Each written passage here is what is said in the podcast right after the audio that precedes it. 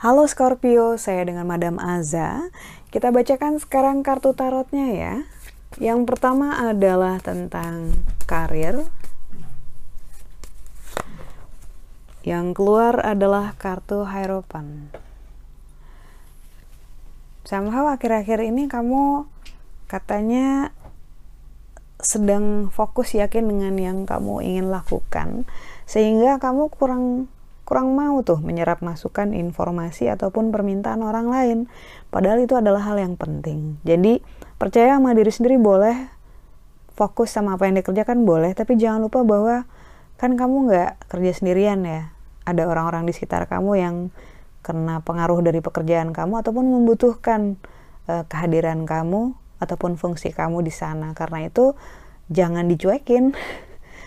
walaupun kamu sedang fokus sama apa yang kamu lakukan jangan dicuekin. Karena itu akan sangat berpengaruh buat kamu juga di masa depan. Seperti kamu mempengaruhi mereka mereka juga akan mempengaruhi kamu. Jadi harus lebih memperhatikan lingkungan. Untuk percintaan kartu yang keluar adalah strength kekuatan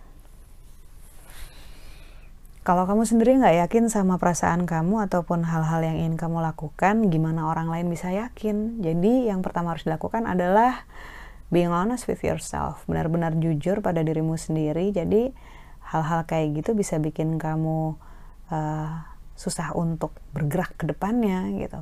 Yakinkan dulu aja, kamu pengennya apa. Jangan sampai kamu bingung, orang lain juga bingung, akhirnya nggak ke mana-mana. Dan semua yang udah diupayakan selama ini malah jadi uh, buyar gitu ya. Kartu strength ini menunjukkan adanya kekuatan di mana ini menunjukkan uh, kepastian, tidak ada keraguan-raguan di mana semuanya 100% full, nggak yang 50 kanan, 50 kiri, maju 50, mundur 50, akhirnya ya nggak ke mana-mana, semuanya masih dalam 50 gitu. Padahal you just need to trust yourself. Kartu nasihat yang diberikan untukmu Temperance. Kartu Temperance ini bicara tentang keseimbangan, harmoni, dan kemampuan untuk menahan diri sendiri dari melakukan hal-hal yang gak perlu karena uh, it's gonna be long week gitu ya. It's gonna be long week doesn't mean like it's gonna be a bad week gitu, tapi kayak yang kamu harus lebih selektif dalam menyalurkan energi kamu karena banyak hal yang harus kamu handle. Jadi ya lebih santai, lebih kalem gitu ya. Karena tahu bahwa kalau dikebut semuanya sekaligus bisa berantakan satu-satu pelan-pelan tapi semuanya fokus.